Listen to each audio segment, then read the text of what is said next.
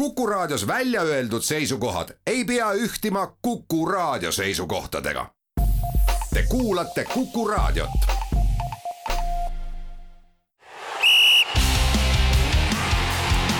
vutikohus. vutikohtul aitab pinget kruvida Pahv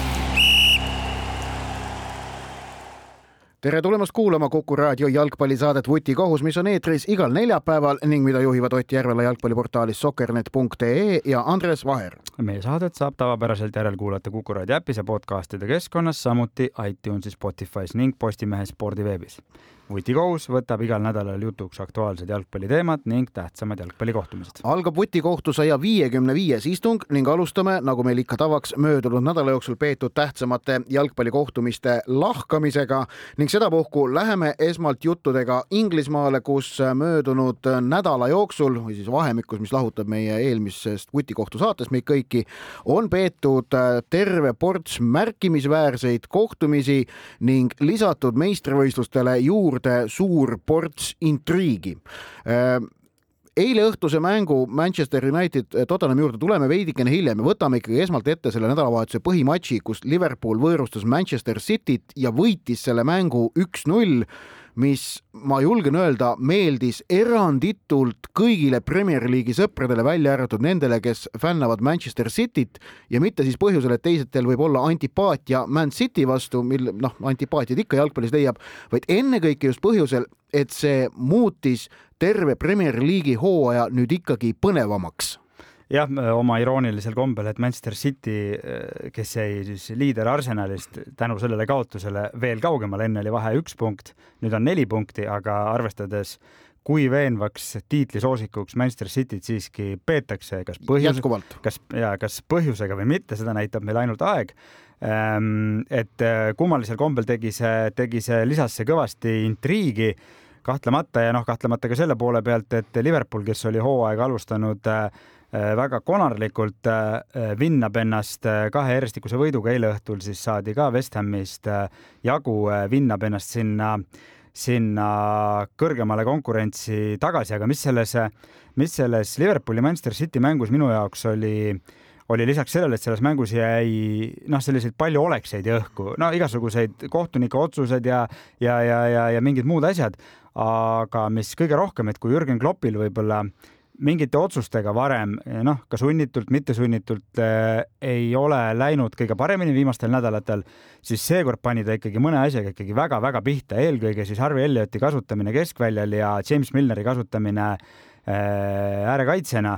Ja noh, Mo Salahil, kes, äh, Mo Salah, kes lõi selle mänguga ainsa värava äh,, roll oli ka natukene teistsugune kui, kui tavaliselt, nii et, et Kloppi võit Guardiola üle jah, ja Klopp on tegelikult ju oma Liverpooli ametiaja jooksul päris kindlalt hoidnud kinni nendest äh, noh, oma kaanonitest.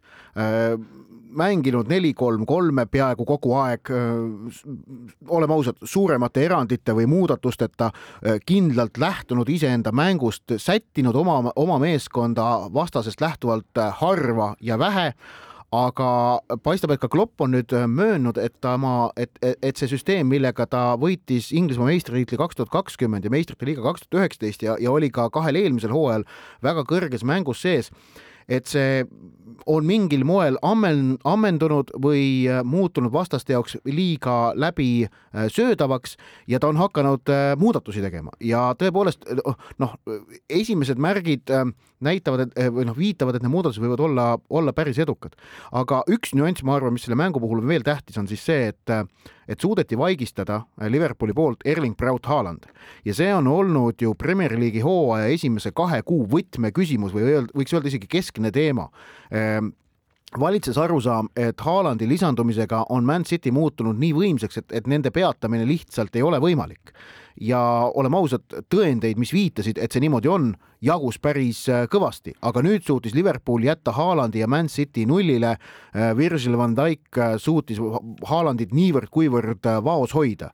see on teiste võistkondade jaoks julgustav näide ja aga tegemist on ühe mänguga Manchester City esimese kaotusega ehk et noh, täpselt, täpselt nii, niipidi, nagu me saame võtta, et et äh, noh, vastupidises olukorras, kui, kui Haaland või Manchester City teeb mingi supermängu ja see on justkui normaalsus, siis äh, täpselt teistpidi, et kui, kui teistpidi ka, et kui, kui keegi suudab City ja Haalandi peatada, siis on see, praegu on see ainult üks mäng, et, et kuni sellest ei saa nii-öelda trendi, siis, äh, siis noh, ongi üks mäng lihtsalt.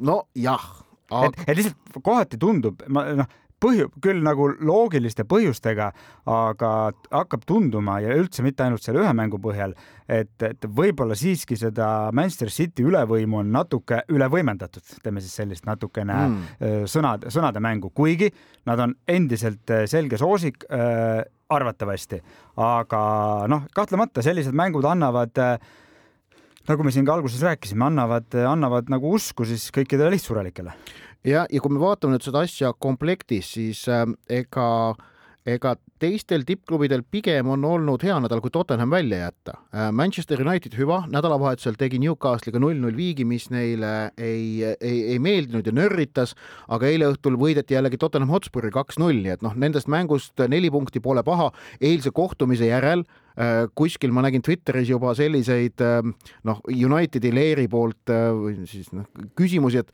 et huvitav, kas me ikkagi oleme äkki veel ääri-veeri tiitlivõitluses ka sees, noh, nende mahajäämus Arsenalist on hetkel kaheksa punkti, mis, mis noh, tegelikult ei ole midagi väga-väga tohutut, tõsi, nad on alles viiendal kohal sellega. aga samamoodi Liverpool, nagu sa ütlesid, kaks üks-null võitu järjest saanud, et noh, üks-null võidud teatavasti on need, millega meistrivõistlustel kõige kõvemat tööd tehakse. no Arsenal tegi ka selle töö.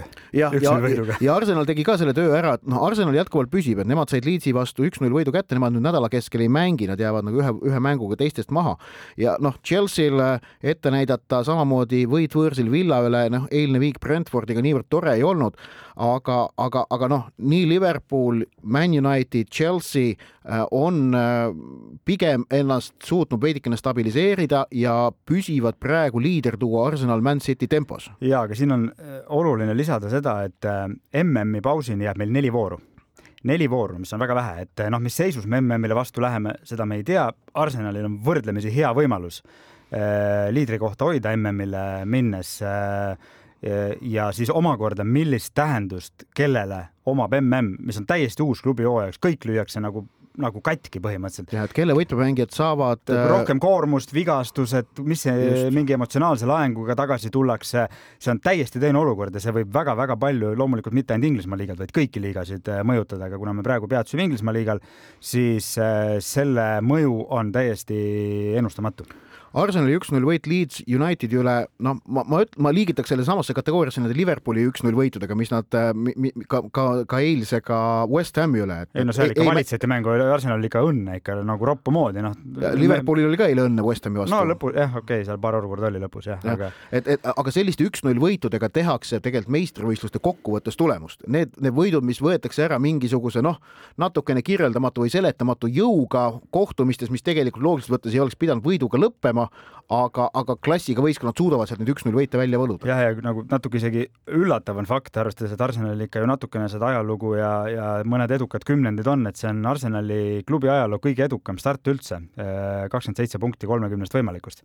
et äh, nii on ja, ja kaua see nüüd kestab, äh, huvitav jälgida mida öelda Chelsea kohta? Äh, nüüd eile viik Brentfordiga null-null, aga, aga paistab ikkagi, kui me vaatame Chelsea't natukene nüüd, ma ei tea, viimase kuu aja jooksul ja võtame need meistrite liiga mängud AC Milaniga, kus nad said kaks võitu, siis paistab, et Graham Potter on, on Chelsea tööle saanud. ja no enne seda eilset viiki, mis oli kindlasti pettumus, oldi saadud siis kõikide sarjade peale vist viis võitu järjest Potteri käe all ja noh, eks need võidud olid erinevate nägudega, aga, aga üldiselt noh, tundub, et äh, kui lisada Reece Jamesi vigastus, mis on valus äh, Chelsea'le. ja Inglismaa koondisele. jah, et, äh, et siis noh, kokkuvõttes arvestades uus treener on tulnud ja, ja praegu ollakse ilusti siin meistrite liiga kohal, siis ma arvan, et ei ole kurtmiseks otseselt Chelsea'l praegu põhjust liigume juttudega Inglismaalt edasi, aga püsime laias Euroopas, kuigi selles saatuses tuleme veel ka Eesti jalgpalliliigas ähm, ja karikasarjas juhtunu juurde, läheme Saksamaale, kus nädalavahetusel mängiti äh, kaks väga olulist kohtumist tabeliseisu mõttes.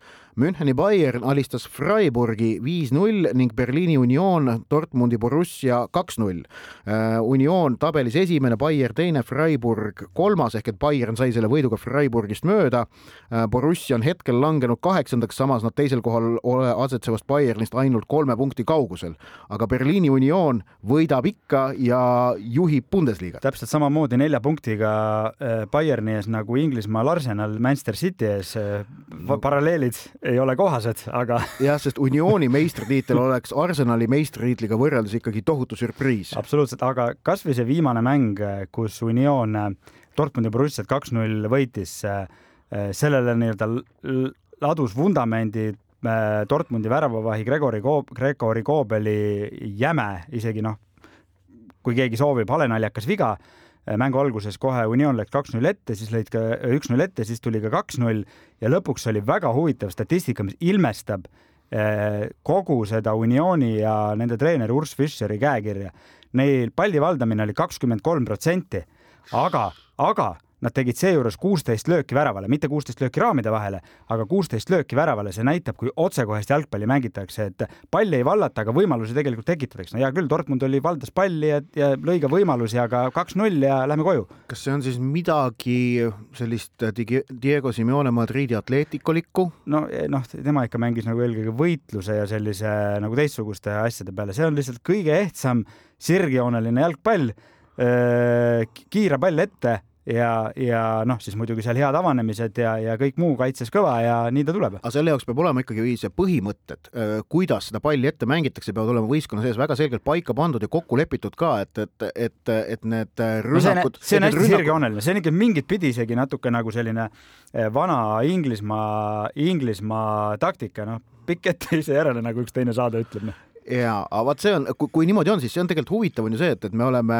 me oleme läbi elanud siin või noh, elamas ka mõnes mõttes jalgpallitaktikas sellist tohutult keerulist perioodi, kus nagu noh, keeratakse asju, asjadele vinte peale igatepidi, aga, aga jalgpall on läbi aegade suutnud ju tegelikult noh, ennast ikka ja jälle uuesti leiutada, et on, on mingil hetkel mindud tagasi selle mingisuguse varem nähtud lihtsama mudeli juurde. et, et, et samamoodi kui, kui äh, Helenio Herrera Milano Inter tegi sellise noh, raudse kaitsega kuuekümnendatel tegusid siis mingil hetkel noh, järgnesid sinna teistsugused moevoolud, tuli totaalne jalgpall, sellele omakorda vastas Itaalia üheksakümnendate või kaheksakümnendate lõpu raudse kaitsemänguga, siis, äh, siis noh, ja kogu aeg on siia-sinna see asi käinud, vahepeal jällegi noh, ma ütlen selle kaitsemängule äh, mõeldes, et kaitseväe jalgpall on aeg-ajalt jällegi esile kerkinud, Kreeka EM-tiitel kaks tuhat neli, äh, Jose Murillo Milano Inter kaks tuhat kümme, sinna vahele muidugi me näeme noh, võluvaid ründavaid jalgpallitriumfe nagu Barca on teinud, nagu Liverpool on teinud. ja no jalgpalli taktikast me tänases saates veel,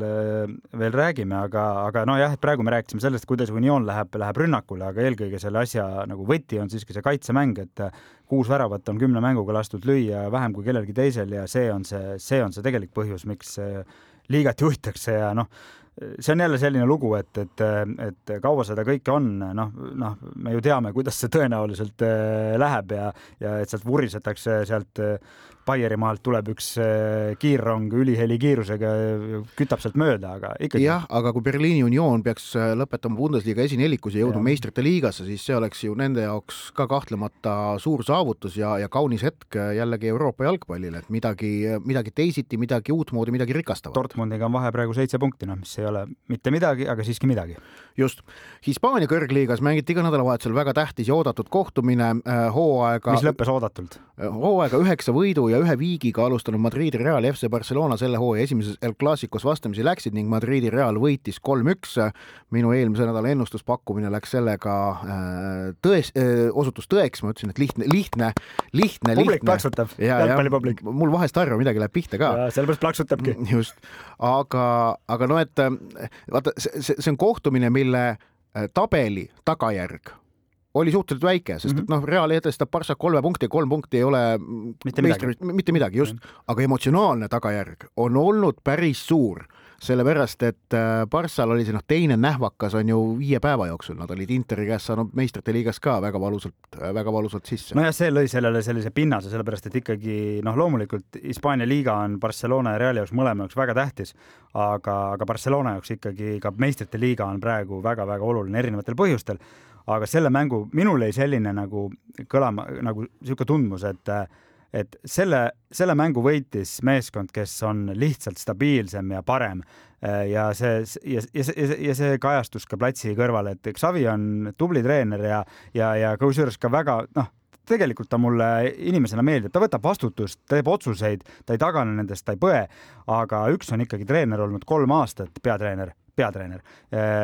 ja teine on kolmkümnendit, nii et, et see on see vahe ja, ja kui siia juurde panna see, et noh, kui tänapäeval jalgpallis noh, hästi palju räägitakse sellest Pariis Saint-Germaini superründekolmikust, siis Reali oma ei jää minu arust mitte millegagi alla sellest, kui nad kõik rivis on ehk et Karim Benzema, Vinicius ja Fede Valverde, kes on viimase aasta suurim tõus ja ma ütleks üldse maailma jalgpallis nagu, nagu sup-, sup-, super, super. huvitav, kas, kas tal suud-, kas Valverde mõju tõuseb esile ka MM-il Uruguay koondisest, et seda on huvitav näha. noh, seal Darwin Nunes ja teised, et see on väga, seda on väga huvitav jälgida, aga, aga lihtsalt nagu ja kui lisada siia siis juurde, et, et kolmest väravast kaks tulid ikkagi Barcelona individuaalsetest päris suurtest, sellise mängu jaoks suurtest vigadest. kui lisada, et noh, Busquets, Piquet ja, ja, ja ikkagi selgelt on parim ennem möödas, kaitseliini kohal on küsimärgid, siis, siis noh, sellepärast ongi loogiline tulemus ning Madridi Reali triumfid äh, möödunud nädala jooksul ei piirdunud pühapäevase El Clasicoga, vaid jätkusid esmaspäeva õhtul Pariisis, kus anti välja hooaja kaks tuhat kakskümmend üks, kakskümmend kaks äh, kuldne jalgpall ehk et maailma parimaks jalgpalluriks äh, pärjati oodatult ja minu meelest täiesti põhjendatult Karim Benzema, meie Madridi Reali kapten ja ründaja, kes nad kevadel vedas meistrite liigas läbi nii kaheksandikfinaalist, kus lõi kaotusseisus Pariis Saint-Germaini vastu kaabutriki, siis Chelsea vastu lõi kaabutriki poolfinaalis lõi olulised väravad ja, ja finaalis äh, tõsi, ta väravat ei löönud, aga noh, see, see oli juba väikene iluiga. lisaks äh, aitas Reali on ju Hispaania meistritiitlini ning eelmise hooaja sisse jäi Karim Benzemaal ka Prantsusmaa koondisega võidetud Rahvuste Liiga finaalturniir, kus ta lõi värava nii poolfinaalis kui finaalis. ehk et noh, Benzema eelmisel hooajal võitis sisuliselt kõik, mis võita andis, Hispaania karikat jah, okei okay,, Real ei saanud ja, ja ta oli igal pool keskses rollis ehk minu meelest sedapuhku täiesti põhjendatud otsus Ballon d'Ori Tauri äh, ja, ja, ja oodatud otsus. ja no nende mängureeglite juures kahtlemata, aga noh, midagi ei ole teha, minu jaoks jääb natukene see, et, et noh, seda on küll keeruline, noh, pallon, Ballon d'Or on ikkagi, on see see auhind, see, see, see on, see on kõige tähtsam individuaalne auhind jalgpallis. ja no antakse veel ka välja nüüd aasta lõpus FIFA, FIFA aasta parima mängija auhind, lihtsalt kahju on sellest, et see väärtuslikum auhind ehk see Ballon d'Ori sisse ei jää MM-i, ikkagi on kahju, sellepärast et kui Prantsusmaa ikkagi MM-il põrub, eh, noh, mis iganes see põrumine on, eh, noh, me teame ju läbi ajaloo, et ikkagi Ballon d'Ori saab see mängija, kes on MM-il särab, et no on ja jääb, midagi ei ole teha, nii on. aga järgmine aasta saabki see MM-i põhjal. no ja veel pall... eriti jabur, läheb veel järgmise aasta sisse no,. ei, ei, ei oot, oot, oot, oot, see äh, äh, France Football ajakiri andis ju, ju varakult teada, et nad muudavad ja, süsteemi ja lähevad, lähevad. ja mina, minu mm. meelest on see väga hea muudatus, et mindi hooajapõhiseks,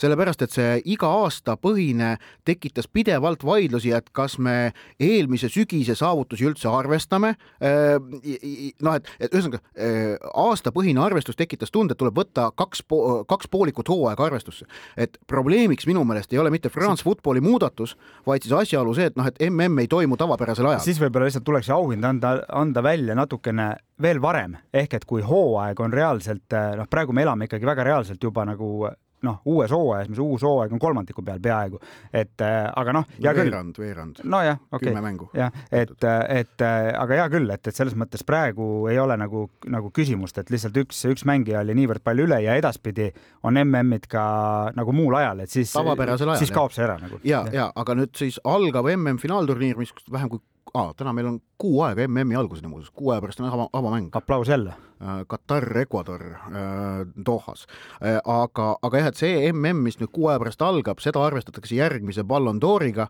ja noh, ma usun küll, et MM-tiitel Äh, määrab väga palju seda, kes järgmise Ballon d'Ori võidab ja ma arvan, et see on ka väga õige.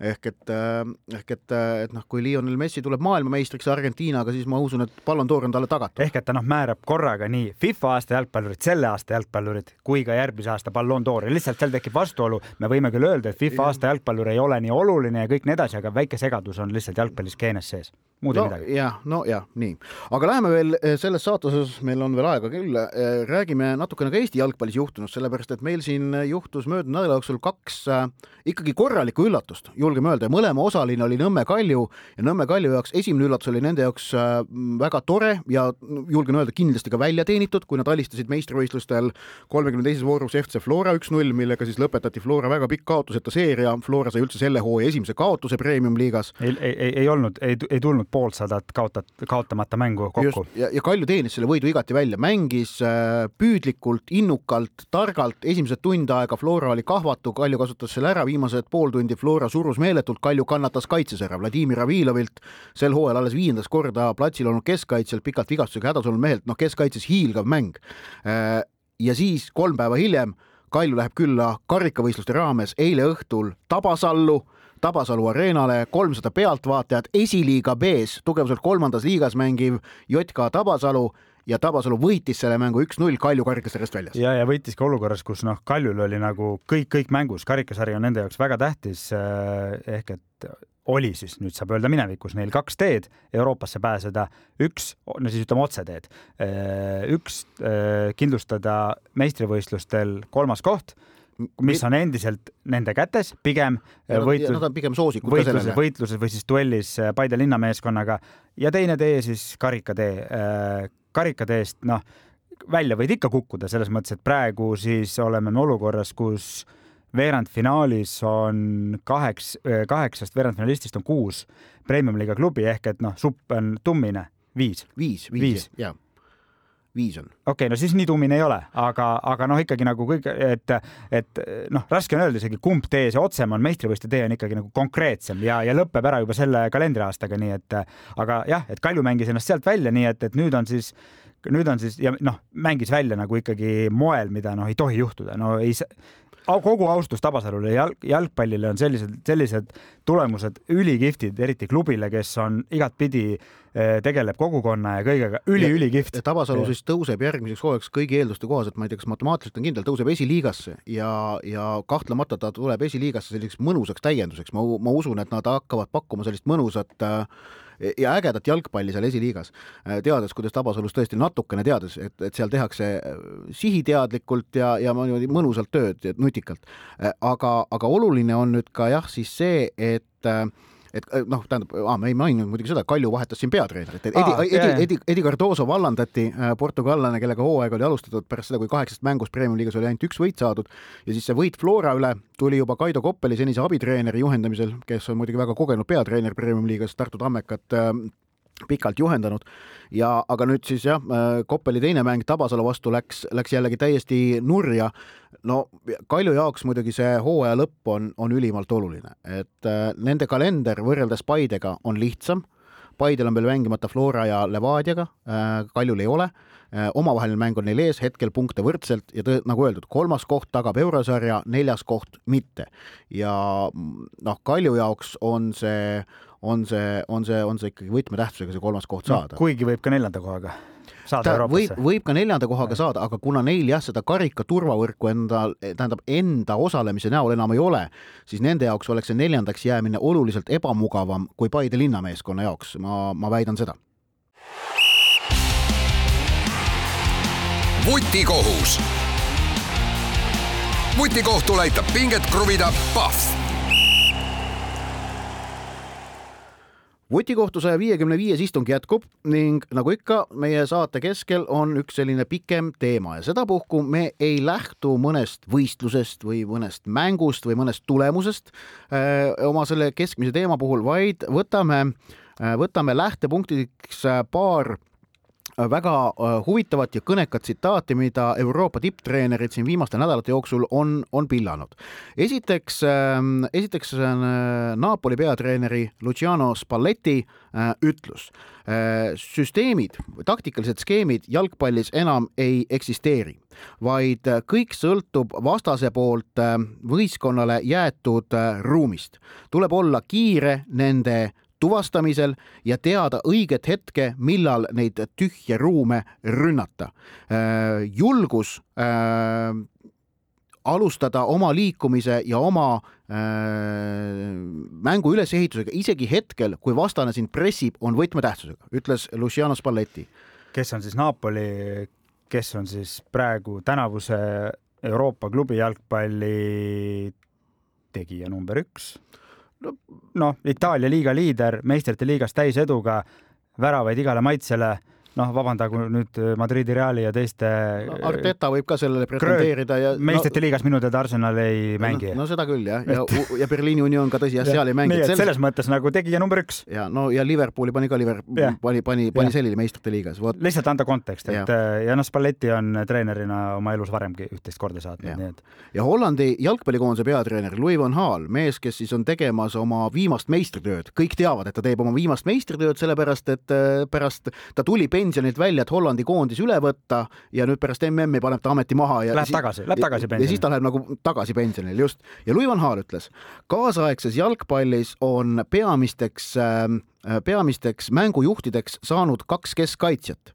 Äh, traditsiooniline number kümme, kes paikneb ründajate all, ei saa enam äh, mängujuhi äh, tiitlit kanda, sellepärast et ruum, kus nad tegutsevad, on liiga väike, liiga kitsas. tänased mängujuhid leitakse kaitseliini keskelt ja, ja, ja nendest kahest Spalletti ja Van Hali tsitaadist me nüüd hakkame rääkima jalgpallitaktikast. just, ja ma panen siia veel ühe tsitaadi, mis, mille ma siin vahetult enne saate algust, võtame veel ühe legendaarse Hollandi treeneri Hordi Cruyff, vabandust, Hordi Cruyff ei ole, Hordi Cruyff oli ka päris natuke jo, vähem jo,, Johan Cruyff, natuke vähem legendaarne. Johan Cruyff äh, ütles siis noh, üldistas niimoodi äh,. sa pead vaatama, mõtlema, liikuma, leidma vaba ruumi, aitama kaaslast. nii on elus ja nii on ka jalgpallis. see kõik on tegelikult väga lihtne. just, aga, aga meie lähtepunkt on siis see, et, et ähm, tõepoolest, mida tegelikult Spalletti ka viitas, et need taktikalised skeemid, millega me oleme harjunud äh, jalgpalli kirjeldama, neli, neli, kaks. neli, kaks, kolm, üks, neli, kolm, kolm ja nii edasi. kolm, viis, üks, kolm, viis, kaks, no Eesti, mida mängib Eesti jalgpallikoondis praegu, kas viis, kolm, kahte või kolm, viis, kahte.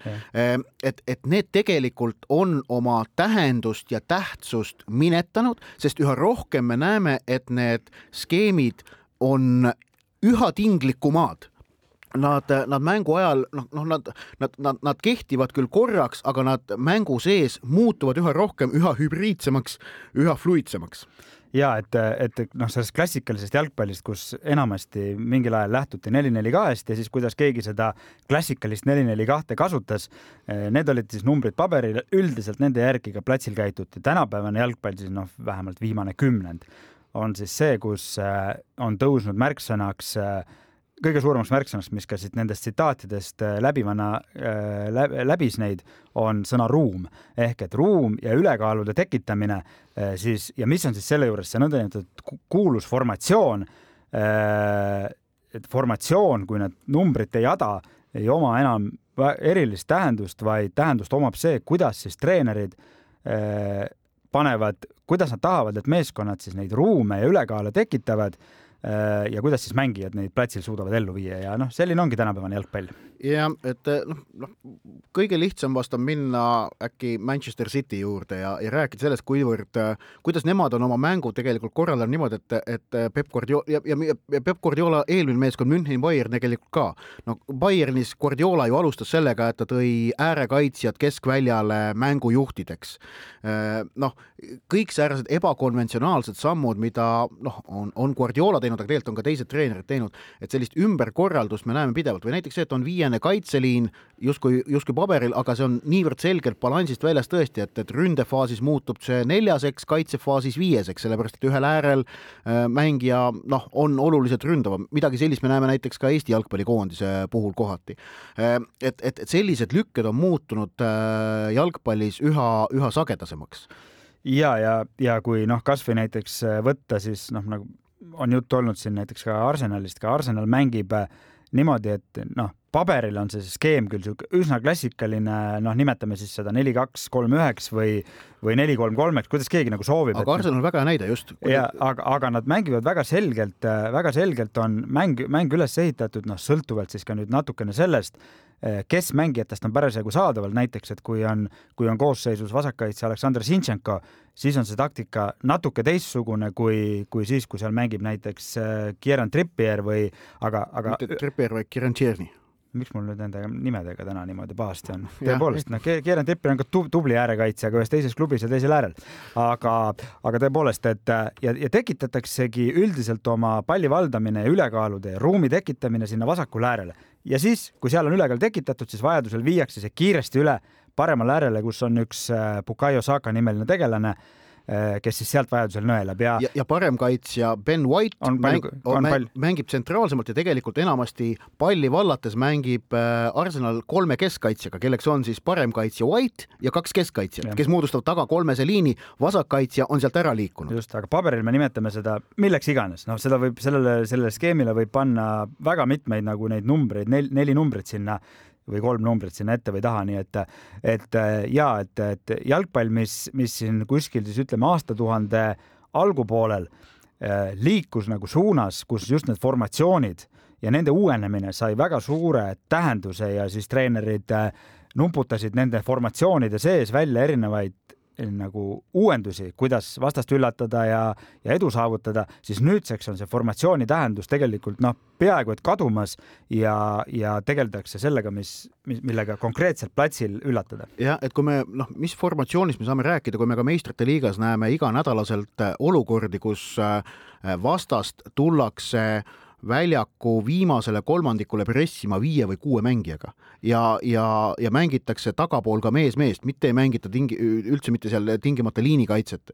et, et, et, et selle noh, selle võimaluse otsimine ja ärakasutamine on muutunud niivõrd ahvatlevaks, äh, ma arvan, osaliselt ka põhjusel, et mängijate tehniline tase on tõusnud niivõrd kõrgeks, et vastase eksimuste ärakasutamise suutlikkus on, on, on väga kõrge, et see risk õigustab ennast üha rohkem ja, ja selle asemel, et et, et oodata ja mängida turvaliselt, mängitakse üha enam selle peale, et sundida vastane eksima võimalikult vastase värava lähedale. ja, ja ühtpidi see on siis, kuidas pressitakse, aga täpselt samamoodi vastupidi, on erandeid, nagu me rääkisime Berliini Unionist, aga see on erand.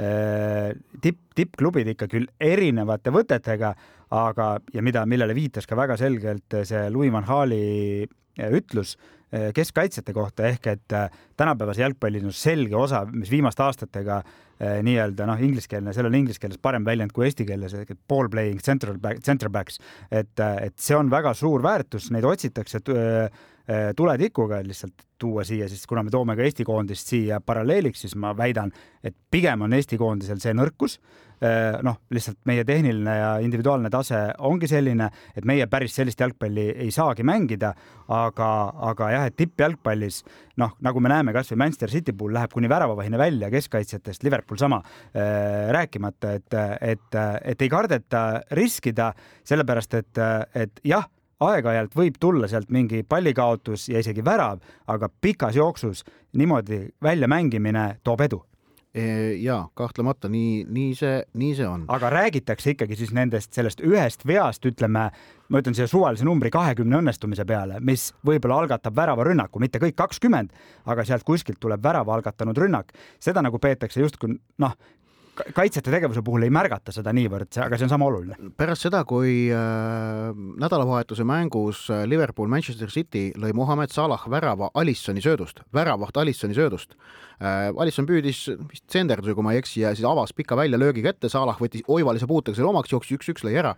siis toodi välja, et, et vist viimase aasta jooksul resultatiivsete söötude arv, Alisson kaks Liverpooli väravvaht. Äh, Jack Grealish saja miljoni eest ost-, Manchester Citysse ostetud äh, loov poolkaitsja üks. nojah, nende, nende mänguaeg on küll ka väga erinev, aga ikkagi. ja, aga see, see, see toob esile selle, et miks riskitakse, noh, noh, väravavahi väravasöödud tegelikult on selline noh, harukordne asi, aga, aga see on ka üks osa sellest just nimelt äh, kuidas öelda, võimaluse otsimisest, ruumi otsimisest, et see on muutunud äh, võimalikuks tänu sellele, et väravahid saavad väravasööte ja, ja on väga oluline osa mängu avamises, et, et võistkonnad mängivad äh, niimoodi ambitsioonikalt ja, ja jätavad äh, tahapoole palju ruumi, mida on siis võimalik oskusliku tegutsemisega ära kasutada äh,. üks asi, mille tõi välja siis Van Haal, et see traditsiooniline number kümme on hakanud kaduma. kas me tähendab siis, et trequartista positsioon, mis on siis noh, trequartista on, on sõna, mis pärineb itaalia keelest, tähistab siis kolm neljandikku, three quarters, noh, itaalia keeles ma täpset sõna ei, no ilmselt ongi kuidagi trequartista siis mm. -hmm. ja, ja see tähistab siis seda kohta poolkaitse ja ründeliini vahel, kus me oleme harjunud nägema selliseid klassikaliseid number kümneid tegutsemas, et kas nende roll on tõesti kadumas, mõeldes näiteks sellele, kuidas isegi FC Floras Konstantin Vassiljev, Eesti klassikaline number kümme, kes on mänginud Eesti koondises noh, läbi aegade number kümmet tegelikult, tõsi, nüüd viimasel ajal Häberil enam Just, mitte. ta ja, ja, ja ka klubis ta ei ole just, number kümme tegelikult. ja Floras ta ka ei enam ei ole number kümme, vaid ta liikus, mis või tähendab, ta liigutati keskvälja tegelikult äh, alumisse otsa, sellepärast et seal on tal ruumi mängu ehitada, sealt on tema tõhusus oluliselt parem meeskonna jaoks. no see jälle sõltub, kindlasti on selle number kümne roll vähenenud, aga samas noh, saab ka tuua vastupidiseid näiteid. Jällegi, võtame siis sellesama Arsenali Martin Ödegaard vapustav number kümme. Ja just nimelt number kümme ja noh, ta võib ka mängida number kaheksat, aga ta ikkagi opereerib siis seal poolkaitse ja, ja, ja vastase kaitseliini vahel väga hästi leiab neid ruume sõna ruume jälle mm, -hmm. et kokkuvõttes, kokkuvõttes ongi, me jõuame jutuga jälle sinna, kuskohast sa leiad ruumid, et see, mis numbrit see mängija kannab, kümme, kaheksa, kuus. me ei pea siis silmas ja, praegu särginumbrit, vaid seda positsiooni tinglikku numbrit. kui me võtame keskpoolkaitsjate kohad, ehk siis see number kümme on see ründav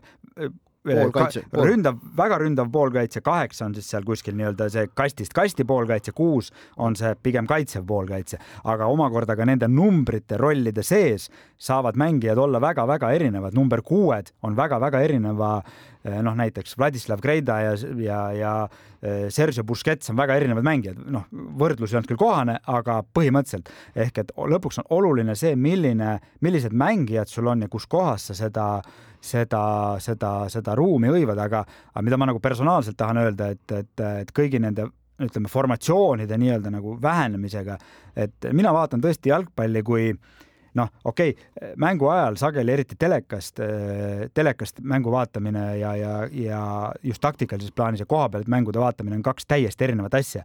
et, et aga, aga proovida vaadata, kuidas treenerid üritavad üksteist üle kavaldada. mingites riikides ja klubides on seda rohkem, mingites vähem, et see on minu jaoks isiklikult saanud nagu jalgpalli vaateti isegi veel nagu nauditavamaks osaks, kui seal mingi atraktiivne eh, mingi kolm-kolm, viis-neli mäng, et, et väga suur, väga suur nauding, kui seal noh, mingid erinevad stiilid, erinevad käekirjad põkkuvad ja kuidas, kuidas siis üksteist üritatakse üle kavaldada.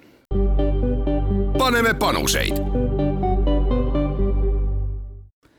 vutikohtu saja viiekümne viies istung on jõudnud äh, pahv.ee pakutavate jalgpallikoefitsientide pakkumise ja arutlemise kohani ja klubi jalgpall meil siis erinevatelt, äh, erinevatest riikidest siin päevakorda taas tuleb ja minu esimesed kaks pakkumist puudutavad Premier League'i kohtumisi. Everton mängib laupäeval kodus Crystal Palace'iga ja mööndas, et Evertoni hooaeg on olnud väga heitlik, siis ikkagi nende võidukoefitsient koduväljakul kaks koma viis äh, Palace'i vastu on minu jaoks äh, tundub piisavalt ahvatlev, et, et see on asi, mille ma äh, välja valisin. eriti ka, et Palace mängib ikkagi niimoodi suhteliselt heitlikult, et siia-sinna, siia-sinna, nüüd on kolm mängu järjest on nad kaotused olnud, neil on nüüd aeg kaotada, nii et see tundub minu jaoks loogiline okei okay,, ma ei oska, ma jah, noh, ma ei oska kommenteerida. Everton jälle on kolm tükki järjest kaotanud, ega nelja ikka ei kaota järjest okei okay.. see on selline väga Tõ, väga tõenäosusteooria. jah, teiseks pühapäeva õhtul Tottenham Hotspur võõrustab Newcastle Unitedit ja ja siin ma olen seda usku, et Antonio Conte, kelle meeskond eile õhtul Manchester Unitedi vastu mängis tõesti väga halva mängu, ta ise möönis ka seda, et nad väärisid täiesti seda null-kaks kaotust ja tegelikult oleks see kaotus mängupildi põhjal pidanud olema veel suuremgi, et Hugo Lori mitmed supertõrjed hoidsid skoori enam-vähem viisakana. aga et Spurs võidab kodus Newcastle'it koefitsient kaks koma null. kõik faktiteadlikud inimesed, vabandagu nüüd mind, kui ma eksin, aga Tottenham on sel hooajal kõik oma kaheksa kodumängu erinevate sarjade peal minu teada võitnud, nii et äh, siin siis ma ei tea, kumba pidi seda tõenäosusteooriat võtta ja vaadata tahad, aga sind ta siis ühtpidi toetab ja teistpidi toetas.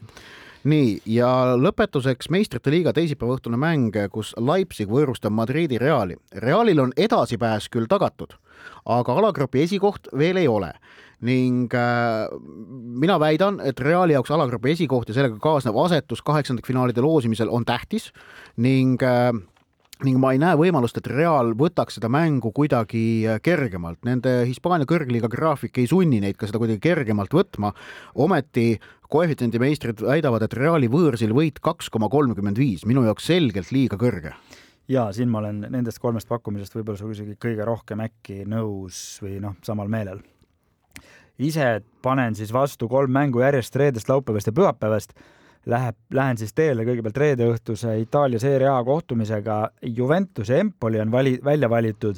olen suurepäraselt teadlik, et Juventusel on jamad igal pool, nii platsil, eh, nii meistrite liigas, nii Itaalia liigas kui ka platsilt väljas aga koefitsient sellele, et Juventus võidab selles mängus mõlemad poolajad neli koma null, on minu jaoks sellegipoolest natukene või palju liiga palju. jaa, okei okay,, nõus, nõus. ja laupäeval lähme siis, on Inglismaal ka üks keskmisest olulisem äh, jalgpallimatš äh, Chelsea ja Manchester United vastamisi lähevad. ma arvan, äh, et sellest tuleb pigem selline ettevaatlik mäng, alla kahe ja poole värava, kaks koma kolm. Kumbki meeskond ei ole väga selline äh, Unitedi kaitse, no see tekitab ikkagi teatud küsimärke, tõsi, okei okay,, nad on kaks no. mängu järjest nulli muidugi hoidnud, jah, jah, jah. no lihtsalt, et see tõenäosus minu jaoks on, on äh, mitte, mitte vähem kui viiskümmend protsenti ja koefitsient ütleb vastupidist. ja pühapäeval siis samamoodi Inglismaalt kohtumine Leeds ja Fulham, need on mõlemad väga sellist lõbusat jalgpalli armastavad meeskonnad, mõle, mõlemad löövad värava üks koma kaheksa. kumbki ei oska kaitsta, tahtsid sa öelda? noh, et no, mõlemad löövad värava. no klaas pooltühi, pooltäis, kuidas soovid. paneme panuseid votikohtu saja viiekümne viies istung läheneb oma lõpule, aga enne veel, kui tänaseks otsad kokku tõmbame, vaatame otsa eeloleva nädala jooksul peetavatele tähtsamatele jalgpallikohtumistele. ning alustame seda juttu reede õhtust äh, ja Lissabonist, sellepärast et vabandust, Portust, jah, sellepärast et äh, Portugali kõrgliigas kohtuvad kaks liidermeeskonda, kui FC Porto võõrustab Lissaboni Benficat tegemist siis nende meeskondade esimese selle hooaja vahe kohtumisega ning, ning mõlemad liiguvad hetkel meistrite liigas edasipääsu kursil. no Benfica veel selgemal kui Porto, tuleb öelda, et Benfical on, on, on vaja noh, võita Haifat ja ongi kõik kindel. Portul on, on mõnevõrra rohkem higistamist, neil on seal see huvitav grupus Club Brügge sees on.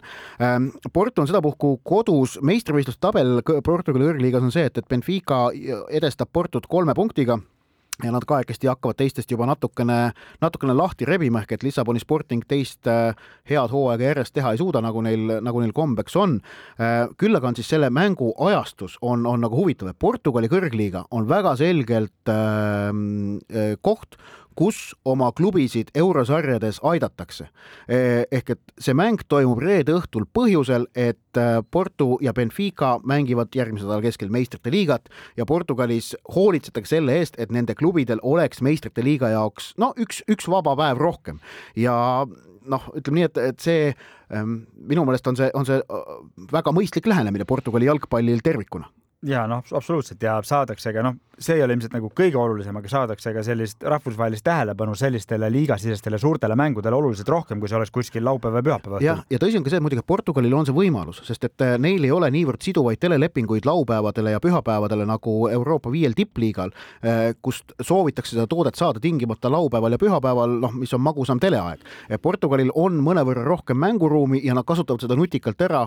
Portugali jalgpall ongi nutikusega läbi aegade igale poole ja väga edukalt äh, ju läbi löönud äh, noh, kõikvõimalikes sektorites, tulnud Euroopa meistriks, nende klubid on olnud just nimelt nutikusega Euroopas edukad ja, ja nõnda edasi. Mm, kui nutikat jalgpalli mängib laupäeval Nottingham Forest, kes on siis äh, Inglise liiga pärapidaja, kui ma nüüd ei eksi jälle või ei ole enam? nüüd on minu arust tõusid eelviimaseks. punkt, punktiga tõusid mööda, aga no tagaotsas oma öö, rohkem kui kahekümne uue mängijaga Liverpooli vastu, kes tõsi, Lester võib täna õhtul lihtsalt mööda minna, jah. jah, ühesõnaga Nottingham Forest ja Liverpool avab siis laupäevase Euroopa jalgpallipäeva kell pool kolm, varajane Inglismaa mäng tavapäraselt, sinna otsa siis tuleb Bundesliga-st äh, neljanda ja teise äh, meeskonna kohtumine Hoffenheim, Müncheni, Bayern. kui seal, kui seal nüüd Hoffenheim suudaks üllatada, see noh, Bundesliga-le kuluks iga selline nähvakas muidugi ära. ja, ja siis õhtusse jäävad järjest kõik need mängud tulevad, äh, saab kõiki vaadata, kes, kes siis soovib, kes siis soovib. kell pool kaheksa Chelsea, Manchester United ja, ja siis õhtu noh, miks mitte maiuspalaks, kuigi see Sevilla praegune ei ole enam päris see no vot just. Real Madrid Sevilla kohtumine La Ligas. ma kahtlustan, et see Madridi Real Sevilla jääb üpris lahjaks mänguks, sest et äh, tõesti eelmistel hooaegadel Sevilla suutlikkus oleks muutnud ja andnud sellele kohtumisele väga palju intriigi, aga tänavu Sevilla ei ole suutnud ju ei Euroopas ega koduliigas mingit sellist head minekut näidata ning, ning ma arvan, et see mäng kujuneb Realile suhteliselt rutiinseks võiduks. pühapäeval no, mm -hmm pühapäeval hakkab juhtuma nii, et äh, meil on siin Eesti liigas äh, tähtsad mängud, sellepärast et äh, Nõmme Kalju, kes siis sai Tabasalu käest eile õhtul karika ka šokk-kaotuse, sõidab külla Narva Transile, mis on, mis on, mis on alati kergelt riskantne kohtumine igaühe jaoks. Narval võõrsil mängud ei ole midagi lihtsat kellegi jaoks. kui, kui kaotad Tabasalus, siis võid kaotada ka Narvas. just. Paide mängib A Le Coq Arena'l FC Levadiaga, ma arvan, et Paide šansid A Le Coq Arena'l on paremad, kui nad oleksid nende koduväljakul, sellepärast et tegelikult ka Paidel on näha see, et koduplatsil, kus na-, mis on teatavasti väga väikene väljak äh, Paide, Paide linnastaadionil äh, väljaku mõõtmete poolest, nende tulemused on kehvemad kui võõratel, võõr, võõrsil väljakutel ja, ja A Le Coq Arena noh, Euroopa mõõtmetes plats äh, pakub Paidele, ma arvan, natukene suuremaid edušansse, kuigi Levadiat tuleb, ma arvan, ikkagi pidada favoriidiks selles mängus. aga Euroopasse vaadates siis meie kiidetud Berliini Union mängib võõrsil Bochumiga. esimene viimasega. jah, Arsenal mängib Southamptoniga ka võõrsil. Southampton võitis muuseas nädala, siin nädala keskel, et see on natukene huvitav. Äh, Hispaania vast keskne mäng on Real Betis Madridi Atletico, Tottenham Hotspur Newcastle Inglismaal kindlasti huvitav mäng ja Itaalias ka õhtul mängud Itaalias siis jah, ka äh, ei ole samal ajal tulevad järjest siis kõigepealt äh, Atalanta ja Lazio ja ma ütleks, et vooru keskne kohtumine AS Rooma ja Napoli vahel. see, see on Jose... äkki isegi pühapäevane kõige mõnusam ja, mäng vast... üldse terve Euroopa peale. jaa, ma arvan küll, selles mõttes, et Jose Murillo versus Luciano Spalletti ja praegu seda Napoli käekäiku jälgida on noh, loomulikult Napolit ei saa võrrelda Berliini Unioni või noh, võib-olla mingit pidi nagu Arsenali käekäiguga, et kui kaua Napoli ja Arsenal suudavad suudavad seda noh, siis viimastel aastatel edukamate klubide tagantulekut pidurdada vot ja järgmise nädala teisipäeval, kolmapäeval muidugi meistrite liiga alagrupi turniiri viies voor, seal kindlasti selguvad järjekordsed edasipääsejad ja järjekordsed väljalangejad, kõigist neist räägime aga vutikohtu saja viiekümne kuuendal istungil, mis eetris täpselt nädala pärast tänaseks, aga täname kuulamast vutikohtu saja viiekümne viiendat istungit. saatejuhid olid Ott Järvela jalgpalliportaalis soccernet.ee ja Andres Vaher. nagu siis öeldud, oleme uuesti eetris järgmisel neljapäeval ikka kell kakskümmend üks ja meie saadet saab järelkuulata Kuku raadio äpis ja podcastide keskkonnas ning samuti iTunesis, Spotify's ja Postimehe spordiveebis. Kuulmiseni. vutikohus. vutikohtul aitab pinget kruvida Pahv